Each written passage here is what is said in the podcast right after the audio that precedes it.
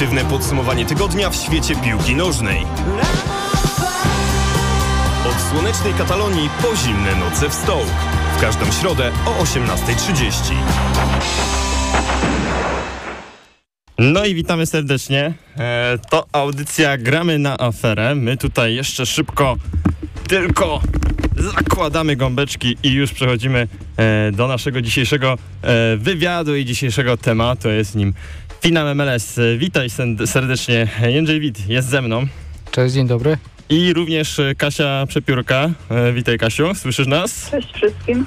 E, a więc e, po kolei chronologicznie najprawdopodobniej największy kibic Interu Miami w Polsce, Jędrzej właśnie oraz oczywiście redaktor naczelna serwisu Amerykańska Piłka. Witajcie gorąco, no i o, jak e, nastroje e, po tym e, finale, finale, w którym New York City FC po raz pierwszy sięgnęło po MLS Cup i triumfowało w tym no, niesamowitym finale rozegranym w Portland. No, myślę, że mm, do jednego na pewno się zgodzimy, że finał nie rozczarował. Tak samo jak cała faza playoff, było dużo emocji, branko w ostatniej chwili. E, było co oglądać, naprawdę było co oglądać. Kasiu, twoje spostrzeżenia podobne? Tak, myślę, że tutaj przede wszystkim kibice stanęli na wysokości zadania. To od samego początku było wiadomo, że jeżeli finał będzie rozegrany na Providence Park przy kibicach Portland Timbers, to ta atmosfera będzie na najwyższym możliwym poziomie i tak rzeczywiście było. No i do tego widowisko piłkarskie też dojechało, chociaż można mieć troszeczkę zastrzeżeń, że to, to, to, nie był taki, nie wiem, masterplan, jak na przykład bywało w sezonie zasadniczym, to jednak emocje, gole i sama waga tego meczu, no i do tego oczywiście ta dogrywka i karne, to myślę, że taki postronny kibic nie mógł siedzieć na miejscu, bo naprawdę dużo się działo. No właśnie, tak jeszcze, e, aby tutaj sobie wszystko E, podsumować, jeśli chodzi o sam przebieg tego spotkania. E, mecz rozpoczął się od trafienia New York City FC, którzy ogólnie mieli e, dość sporą przewagę w pewnych momentach tego spotkania, zwłaszcza.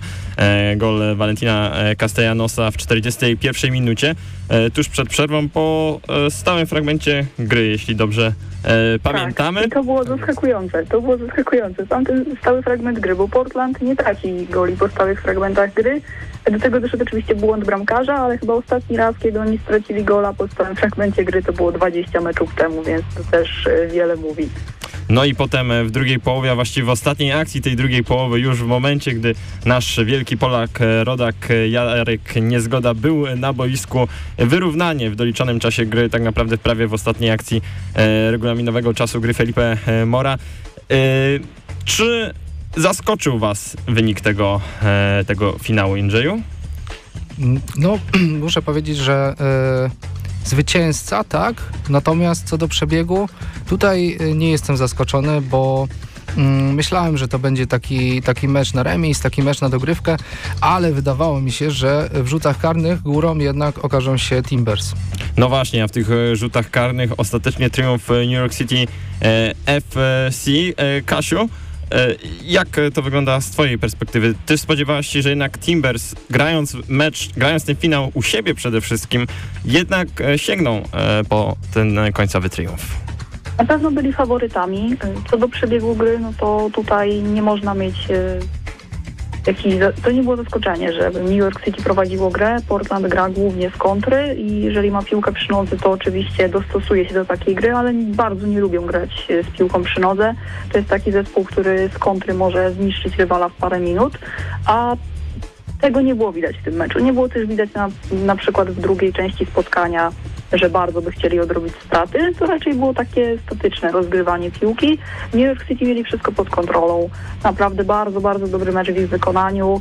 Świetne zachowanie e, dwójki defensorów, e, których jeszcze tak 2-3 lata temu to no, nikt by nie powiedział, że e, to właśnie będzie duet, który dodaje im mistrzostwo na środku obrony. Do tego świetny Tati Castellanos, który oprócz tego, że strzela, to wykonuje bardzo dużo roboty takiej powiedziałabym brudnej i to nie jest taki napastnik, który nie haruje w defensywie, który nie tworzy korytarzy kolegom, więc tutaj naprawdę wszystko zagrało, ale właśnie w tych karnych to jest trochę paradoks, bo jak tracisz gola właśnie w doliczonym czasie gry, to wydaje ci się, że no, która, który tutaj zespół może, y, może mu troszeczkę psychika siąść. No na pewno nie Portland Timbers, bo jeszcze grają u siebie i tak dalej. No ale jednak to właśnie Portland. Mam wrażenie, że mentalnie nie dojechali na, i na dogrywkę, i już w szczególności na rzuty karne, gdzie y, popis Shona Johnsona, zresztą nie pierwszy raz w tym sezonie. No i New York City pierwszy raz w historii mistrzem MLS-u. No tutaj e, też e, mam takie e, pytanie, być może bardziej nawet e, do Jędrzeja, bo e, te plany New York City FC, kiedy wchodzili do tej ligi, kiedy wchodzili do MLS-u, były spore. Oczywiście wielkie gwiazdy, naprawdę wielkie gwiazdy, jeśli chodzi o e, przynajmniej nazwiska, Andrea Pirlo, e, Dawid e, Villa, Frank Lampard na pokładzie, Patrick Vieira trenerem. No tam, e, jeśli chodzi o te nazwiska, zgadzało się wszystko, ale nie zgadzało się nic, nic o wyniki. Jako, że jesteś tutaj reprezentantem Interu Miami, no to stąd moje pytanie tu do ciebie, bo w Interze też rzeczywiście tych nazwisk parę, kilka ciekawych jest, no ale wyników też, też nie ma. Czy to troszkę tak nie jest właśnie, że w MLS-ie nie do końca zawsze grają, grają gwiazdy i zawsze ten blichtr tych, tych gwiazd gra, a jednak czasem liczy się po prostu pomysł na, na zespół? No wydaje się, że faktycznie tak jest, że e, no tak jak się mówi, nazwiska nie grają, a akurat jeśli chodzi o Inter Miami, no to trzeba powiedzieć, że e, te e, największe gwiazdy zdecydowanie zawodzą. No e, sam Iguain jeszcze jako tako sobie radzi. Natomiast e, jeśli chodzi o e, chociażby Matuidiego, mistrza świata, prawda, to tutaj trudno mi powiedzieć e, chociaż jedno czy dwa dobre słowa na jego temat. E, myślę, że może być tak, że te duże gwiazdy są e, pewnym takim elementem hamulcowym, że, że reszta drużyny w jakiś sposób skupia się na tym, żeby grać na nich. To w Interze tak jest, że te większość długich piłek po prostu idzie na Iguaina, e, on większość z nich straci i e, no i z akcji nic nie wychodzi, prawda? No do Interu na pewno jeszcze tutaj e, sobie mm, wrócimy e, w dalszej części naszego programu. Jeszcze chwilę o tym e, finale MLS e, porozmawiajmy. No bo tak naprawdę, jeśli chodzi o taką e, wiedzę europejską na temat e, futbolu, e, jeśli zasiadł e, który dowolny e, kibic, taki e, bardziej niedzielny MLS-u, no to nie zauważył jakichś, jakichś wielkich, e, wielkich gwiazd w tym spotkaniu, e, jeśli chodzi o tę europejską ich ich przeszłość. E, Czy to już tak nie jest, e, Kasiu, teraz może do ciebie tutaj zagaję, że MLS opiera się właśnie na tych starych gwiazdach, e, przestarzałych gwiazdach europejskiej piłki, tylko to coraz częściej jest, że właśnie e, te kluby same znajdują gdzieś e, często też młode talenty, które e, przychodzą szczególnie z Ameryki Południowej. Trudno w tym momencie mówić o tym, że drużyny opierają się na mm, europejskich gwiazdach podstarzałych z Europy, bo to jest po prostu bardzo nieopłacalny model biznesowy w tym momencie. Żeby taka drużyna się jakkolwiek wyróżniała i miała szansę na dobre rezultaty, to przede wszystkim trzeba piekielnie dobrze znać zasady tej ligi i w szczególności te zasady finansowe, bo to z tego zależy y, od allocation money, od tego, że nie można przepłacić y, za zawodników, od tego, żeby sloty dla graczy international się zgadzały, y, żeby trady miały sens, żeby ten zespół się ładnie, fajnie komponował, żeby miał głębię składu, co na przykład ma New York City FC, którzy na ławce mieli gościa, a nawet dwóch, o których biły się europejskie kluby, tylko po prostu New York City było stać na to, żeby wyłożyć na nich pieniądze. To jest ta największa różnica i przekształcenie tej ligi w ostatnich latach, bo do tej pory mm, o to mam duży problem w ogóle na przykład w polskiej piłce, że u nas się tylko mówi o tym, że trzeba coś zmienić. A Amerykanie powiedzieli, że trzeba coś zmienić i to zrobili. Oni po prostu na początku wykładali pieniądze na stadiony typowo piłkarskie, na akademię, na zaplecze, bo przecież w tym momencie infrastruktura w Stanach Zjednoczonych, to naprawdę wątpię, że jakikolwiek polski klub ma podjazd do, do tego, w jakich warunkach mogą trenować właśnie piłkarze w Stanach Zjednoczonych, a oprócz tego pieniądze szły na scouting. I dopiero jak już te rezerwy, że tak powiem, się wyczerpały i na to już poszły praktycznie wszystkie nakłady finansowe, to dopiero wtedy te kluby zaczęły wykładać pieniądze na transfery. I to jest od takich dwóch, trzech lat, gdzie rzeczywiście już te transfery są na bardzo wysokim poziomie, więc nie opłaca ci się kupować gracza z Europy, który jest podstarzały, że tak to ujmę, jeżeli potem nie masz e, go jak sprzedać do Europy za dużo większe pieniądze. Więc to przede wszystkim no, ze względu na to nie ściąga się takich gwiazd. Oczywiście są wyjątki, jest Carlos Vela, Dawid Villa, który był absolutnie fenomenalnym piłkarzem w MLS-ie, Sebastian Giovinco. To cały czas możemy mówić o takich pojedynczych nazwiskach, no ale w tym momencie to ta liga kreuje trochę gwiazdy, to ta liga kreuje młodych, zdolnych piłkarzy, których wysyła do Europy i to nie będzie działało tak, że potem ci starsi będą przychodzić do MLS-u. No takim nawet przykładem jest Zlatan Ibrahimowicz, Wayne Rooney. Oni grali w MLS-ie i wrócili do Europy grać, więc jednak to, to nie jest tak, że tylko te przestarzałe gwiazdy będą przychodzić i od tego modelu zdecydowanie się ucieka. Nawet jest teraz taki cichy przykaz y, ligi, żeby nie ściągać DP powyżej 28-27 roku życia.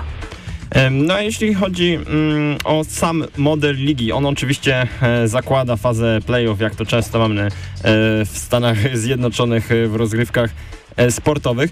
Czy możemy powiedzieć, Jędrzej, że w tym roku, w tym finale MLS spotkały się dwie drużyny, które były zdecydowanie najlepsze i czy ten triumf New York City FC jest w ogóle tak do końca zasłużony na tle całego tego sezonu?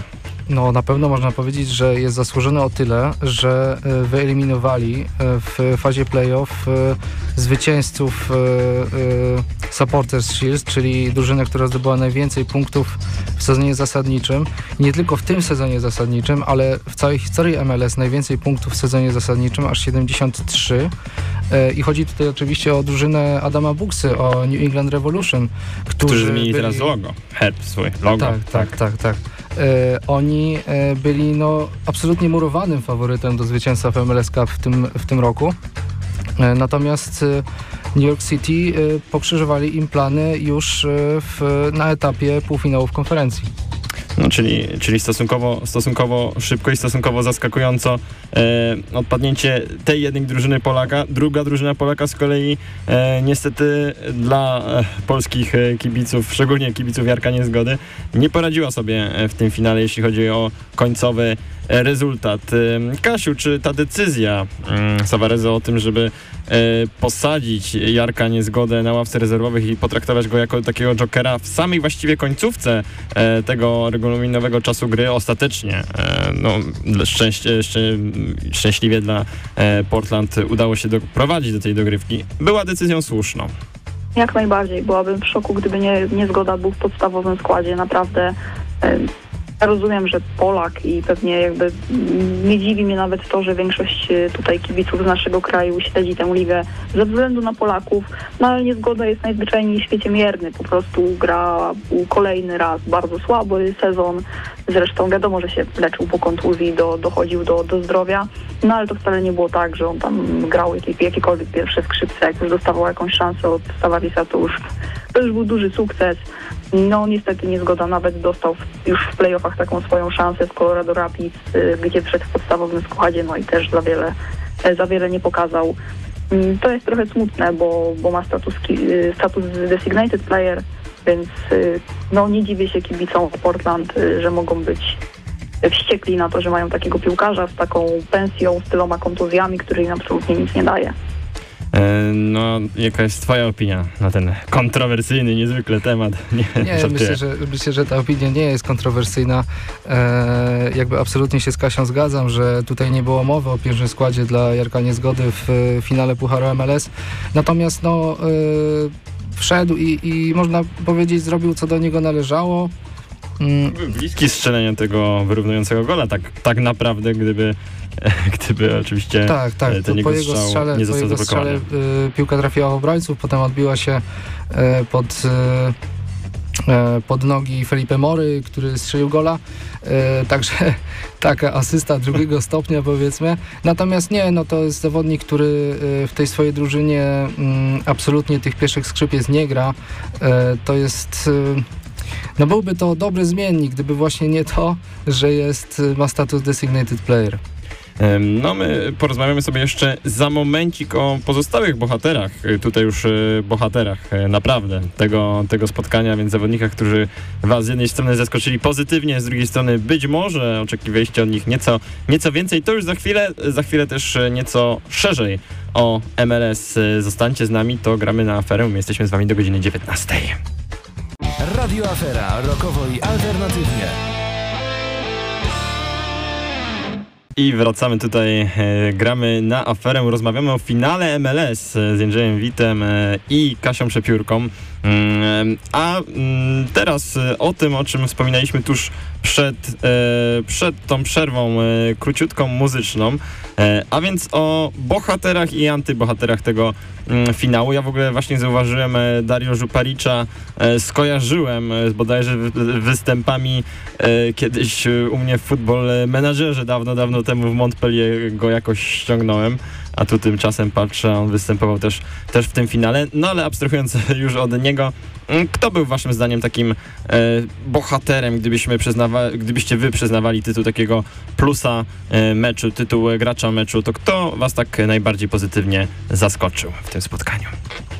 No, oficjalnie nagrodę gracza meczu zdobył Sean Johnson, bramkarz New York City FC i myślę, że, myślę, że zasłużenie, e, bo parę razy mm, wybronił e, dość niebezpieczne strzały e, Portland, czy to w zasadniczym czasie gry, czy, czy bardziej nawet dogrywce się wykazał, natomiast dwa obronione karne w konkursie jedenastek, no to myślę, że trudno byłoby dyskutować co do tego wyboru, natomiast patrząc w szerszym zakresie, jeżeli mielibyśmy mówić o całym sezonie zasadniczym, o całych playoffach, no to tutaj bezapelacyjnie Tati Castellanos, zdobywca Złotego Buta, e, 19 bramek e, w sezonie zasadniczym, e, do tego dołożył chyba jeszcze, jeśli się nie mylę, 3 w playoffach, w tym jedną bramkę w samym finale, no to była absolutna gwiazda tego zespołu.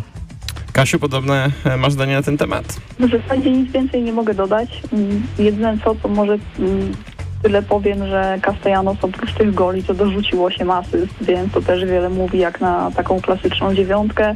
Do tego no właśnie to, co wcześniej już wspominałam, że on bardzo dobrze się porusza na boisku i potrafi bez piłki dużo rzeczy zrobić, o czym no warto pamiętać w takim kontekście tego, że on no, przeniesie się do Europy, tutaj nie ma w ogóle o czym mówić. Zresztą sam wspominał o tym Pep Guardiola, który oglądał ten finał, e, gratulował New York City FC i powiedział właśnie, że Tati Castellanos jak oglądał ten mecz, no to jest piłkarz, który jest gotowy na Europę i zdecydowanie było widać, że no, gra na bardzo, bardzo wysokim poziomie. No to jeszcze e, tutaj, e, żeby to nam e, wszystko uzupełnić, kto waszym zdaniem mm, trochę zawiódł w tym finale, zapewne będzie to ktoś z Portland Timbers, chociaż no patrzymy, Felipe Mora gola, gola strzeliła, ale kto e, może z tej linii pewnie ofensywnej nieco was, was zawiódł, czy może, może jednak z innej formacji? No mi się Znaczy, ja myślę, że... y, Przepraszam, że tak Proszę, proszę Kasiu, powiedz.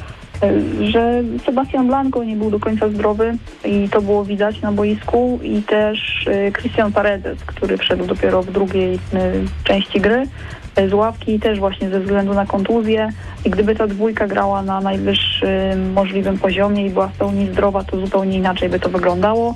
No i do tego no takim mm, antybohaterem na pewno będzie Steve Clark. No oczywiście on coś tam wyjął w tym meczu, ale błąd przy pierwszej bramce no, to był katastrofalny, więc tutaj no, bardzo duży minus przy jego nazwisku. Tak, absolutnie to był duży błąd Clarka, natomiast cała formacja defensywna tam zaspała, bo Castellanos został zupełnie sam w polu karnym, on z tą piłką mógł zrobić wszystko, zrobił po prostu minimum, które musiał zrobić, strzelił w światło bramki, nie prosto bramkarza, no i e, padła bramka.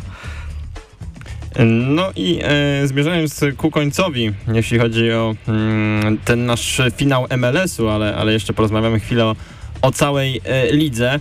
E, różnie to bywało z tymi mistrzami Major League Soccer w ostatnich e, latach. Niektórzy z nich wygrywali częściej, niektórzy częściej docho dochodzili e, do finałów, no ale też często później takie drużyny, które e, bywały, bywały mocne, e, dość mocno w kolejnych sezonach zawodziły, no choćby, choćby teraz e, Toronto, które, które przez lata przecież z Sebastianem Dziowinką, o którym Kasia wspominałaś, no było mocnym, e, mocnym filarem, filarem tej ligi. Jak myślicie, co się stanie, stanie e, z New York City FC po tym sezonie? Ja czuję, że to zwycięstwo tylko może ich wzmocnić i e, no, szczerze mówiąc, obawiam się tych meczy w przyszłym sezonie przeciwko New York City. Jako Inter Miami oczywiście. Tak. A ty, Kasiu? Znaczy skład przejdzie dużą przebudowę, do tego nie ma wątpliwości, bo Tati Castellanos y, to jest piłkarz, który odejdzie do Europy. E, Jesus Medina też rozważa, em, akurat chyba w jego przypadku to dobrze dla New York City, e, że rozważa no, transfer albo do Europy, albo do Brazylii.